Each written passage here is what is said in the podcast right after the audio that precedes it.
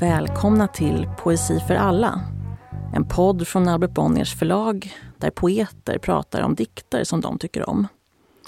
Jag heter Lina Rudén Reynolds och är förläggare på Albert Bonniers förlag och ansvarig för poesiutgivningen. Idag är jag med mig poeten Eva Runefelt. Eva Runefelt, född 1953, är en av de allra främsta poeterna i den generation som framträdde på 70-talet. Hon debuterade dock med romanen I svackan men har sedan dess i stort sett renodlat poesin i böcker som En kommande tid av livet, Mjuka mörkret och I ett förskingrat nu. Hon har tilldelats både Ekelövpriset och Tranströmerpriset och diktsamlingen Minnesburen från 2013 nominerades till Nordiska rådets litteraturpris. Eva Runefeldts senaste diktsamling kom ut i våras och heter Ur världen. Den kretsar kring det vardagligt levande skilt från de döda på ett sorgset men inte uppgivet sätt. Med känslig tydlighet skriver Runefelt fram en tillvaro som är lättigenkännlig men samtidigt helt ny.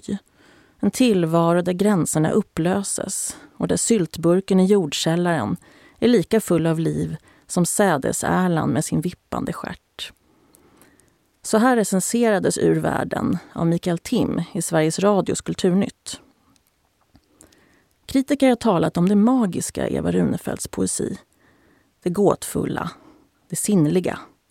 Själv vill jag lägga till det roliga.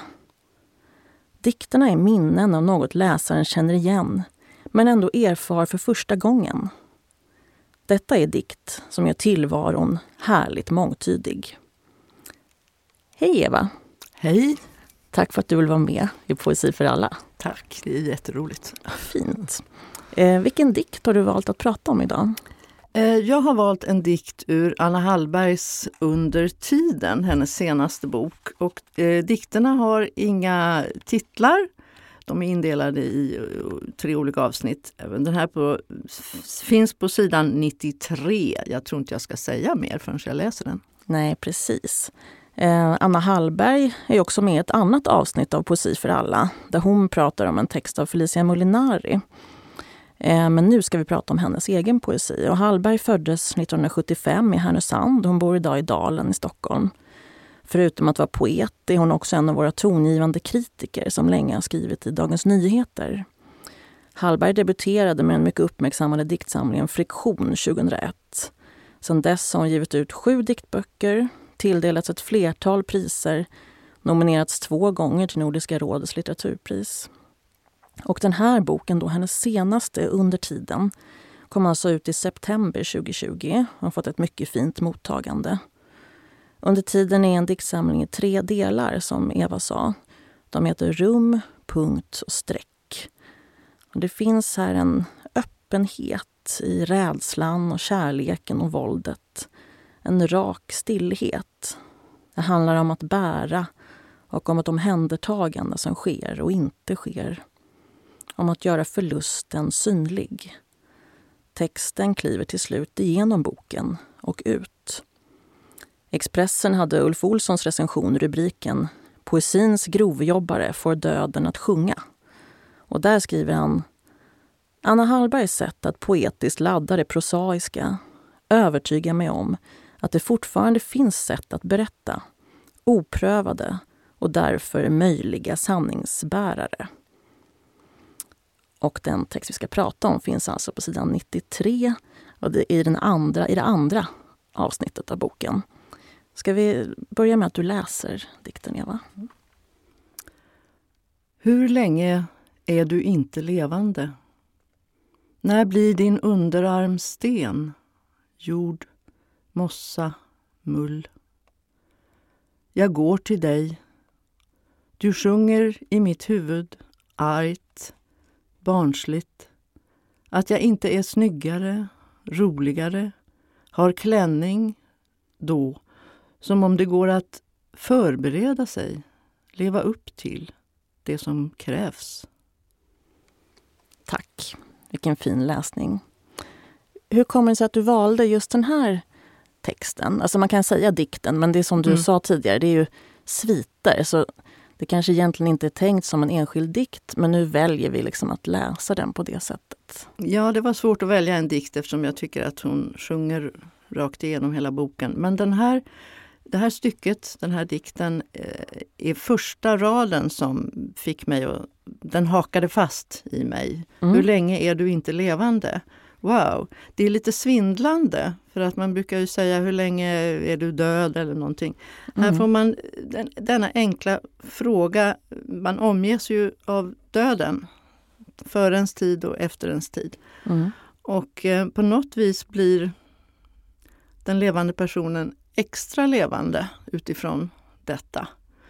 Och sen så, jag tycker om dubbelheten i dikten, att hon dels eh, talar om den här eh, dödens oändlighet och samtidigt en klänning som är inte helt rätt. Och i mitt bildminne så är den blå. Det står inte att den är blå, men i min bildvärld så är den blå. Ja. Jag tycker den är lysande och eh, du sa rak stillhet. Det Just tycker det. jag stämmer på hennes dikt. Ja, Ja men visst. Ja. Och jag håller med om att den här första raden är ju väldigt indragande. Jag blir också väldigt tagen av den liksom genast. Det är så kort och lätt, men, ja, men som du sa, det är svindlande. Liksom.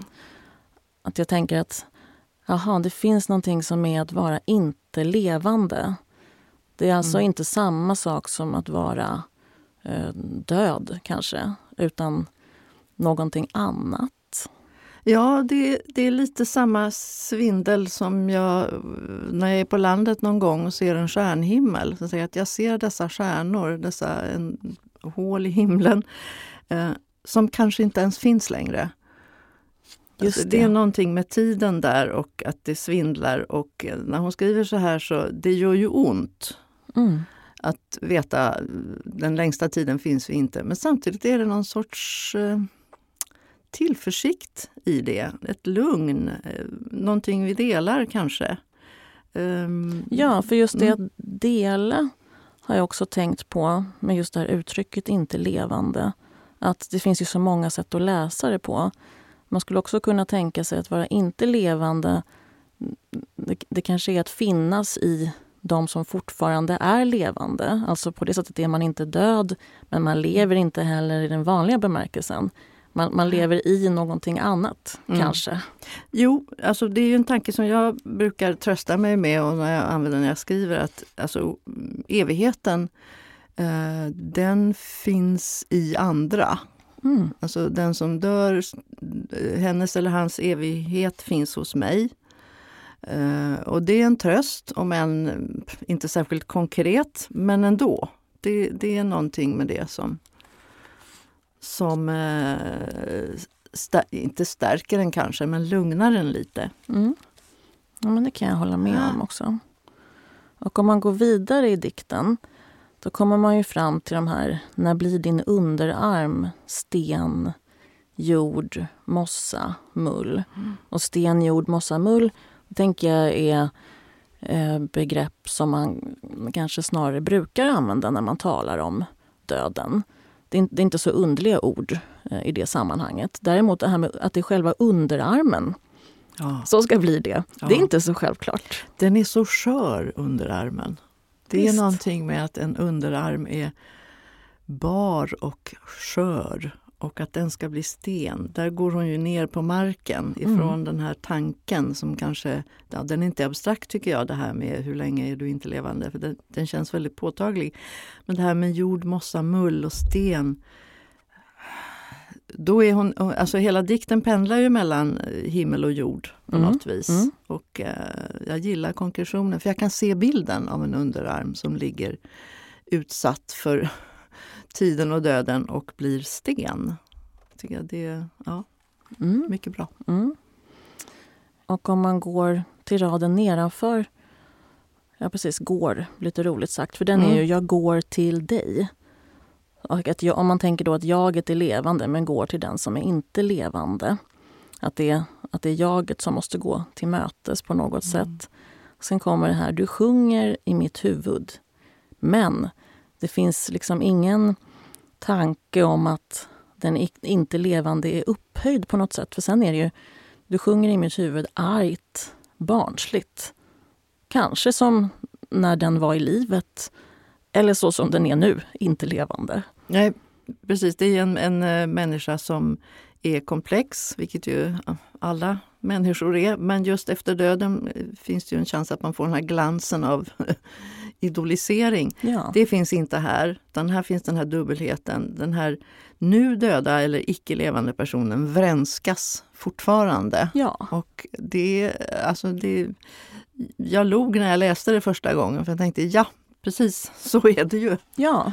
Så att, ehm, och det går inte att förbereda sig varken för det ena eller det andra. Att eh, gå till den som inte lever eller att vara den som inte lever. Det, det går mm. inte att leva upp till det. För att, eh, det vore ju att eh, försonas med tanken och det tror jag inte hon vill. Nej, just det. Och, och vad tänker du om raden som kommer sen då? Den pratade du om tidigare. Uh, nu ska vi se, leva upp till det som krävs. Eller, Nej, det med, klä, det med klänningen. Ja, med klänningen. Den tycker jag är väldigt kul för att... Eller kul. Det, om du, vill du läsa den? Uh, ja, nu ska vi se. Mm, att jag inte är snyggare, roligare, har klänning då. Jag har lite problem med det där dået, om det ska vara på den eh, meningen, läsas på den meningen eller nästa. Men jag tycker om det för att det drar ner dikten till någon sorts väldig vardaglighet som jag tycker om. Och då, då blir den mycket mer kännbar, den där eh, den, människan i klänningen i förhållande till den som inte lever längre. Det, det, ja. Precis, att det är så enkelt. Mm. Det är liksom det man tänker på. Jaha, men när jag går dig till mötes då kan jag vara snygg, rolig och ha klänning. Ja. Det är liksom väldigt um, ja. något som man skulle kunna se som ytligt. Liksom. Men som Exakt. kanske är väldigt grundläggande. Jag tror att det sätt. är ja. väldigt grundläggande. Och jag tänker osökt nu plötsligt på att eh, när någon har dött så eh, jag har gjort några gånger, har jag klätt mig i den dödas efterlämnade kläder för att känna en sorts närhet. Mm. Ja, det, här, det var en liten bisats men ja. Det, det, det är inte ytligt. Det, Nej, hon, hon, drar ner eh, den till ett väldigt personligt ögonblick. Mm, mm. Och hur kommer det sig att du ser den här klänningen som blå då som du sa tidigare? Ja, det vet det sjutton alltså. Det, jag, jag, tycker om dikter som ger mig bilder och den här, hennes dikter ger mig verkligen bilder. Och eh, jag har letat efter det där blå några gånger men det finns ju inte. Det är möjligt att då, blå, att det är någonting med det. Just det. Uh, att klänningen blå, det är... Ja, jag ska inte säga vad blå är för den blå färgen är mångtydig. Men, uh, Man ja. kan ju också säga att själva alltså boken i sig uh, har ju någon slags blågrå, alltså själva omslaget är liksom en ett närfoto av ett elskåp. Så det är, det är gråspräckligt omslag. Ah. Själva permen är ju faktiskt blå. Ja, det är mycket möjligt. Är det ett elskåp? Vad intressant. Ja. Det är ett väldigt vackert omslag. Elskåp är vackra. Visst, visst. Ja. Och sen i dikten så kommer ju det här som om det går att förbereda sig. Leva upp till det som krävs. Mm. Och det mm. pratade du om tidigare. Att förbereda sig går inte. Men vad skulle det vara som krävs då? Uh, min första tanke är uh, okänslighet. Och det går inte uh, när någon nära eller någon har dött. Den, det går inte att leva upp till därför att man är inte okänslig. Um, tror jag, sådär bara. Det är lite gåtfullt. Men vad menar det, du med det? Att det inte går att att man inte är okänslig och därför går det inte att leva upp till. Nej, det går inte att eh, försona sig. Det går inte att säga jag förstår. Precis. Ja, då förstår jag. Nej, det är helt ja, jag sant. var lite luddig, men det går inte att förstå. Eh, alltså intellektuellt kanske man kan förstå ja, vad döden gör, men eh, egentligen kan man ju inte det. Eftersom man inte vet någonting om det. Nej. Att, eh, och eftersom saknaden och längtan är starkare än någonting annat. Precis. Och tänker du att det också är det, liksom att dikten slutar i detta? Tycker du också att det är det som, eh, som liksom är den övergripande läsningen av, av hela texten eller dikten? Ja, det tycker jag. För jag tycker att det här vetskapen om att det här går inte att förstå, det går bara att uppleva. Eh, och det knyter an till första meningen också, tycker jag. Eh, ja, hur på, på vilket sätt då? Hur länge är du inte levande? Leva upp till det som krävs. Det går inte att förstå eh, hur länge du inte är levande. Nej, just det. Och det är okej. Okay. Eva Runefelt, tack för att du var med i Poesi för alla och pratade om den här dikten ur Anna Hallbergs nya diktsamling Under tiden. Tack till er som har lyssnat. Vi avslutar som vanligt med att få höra dikten en gång till. Hur länge är du inte levande? När blir din underarm sten, jord, mossa, mull? Jag går till dig. Du sjunger i mitt huvud, argt, barnsligt, att jag inte är snyggare, roligare, har klänning då, som om det går att förbereda sig, leva upp till det som krävs.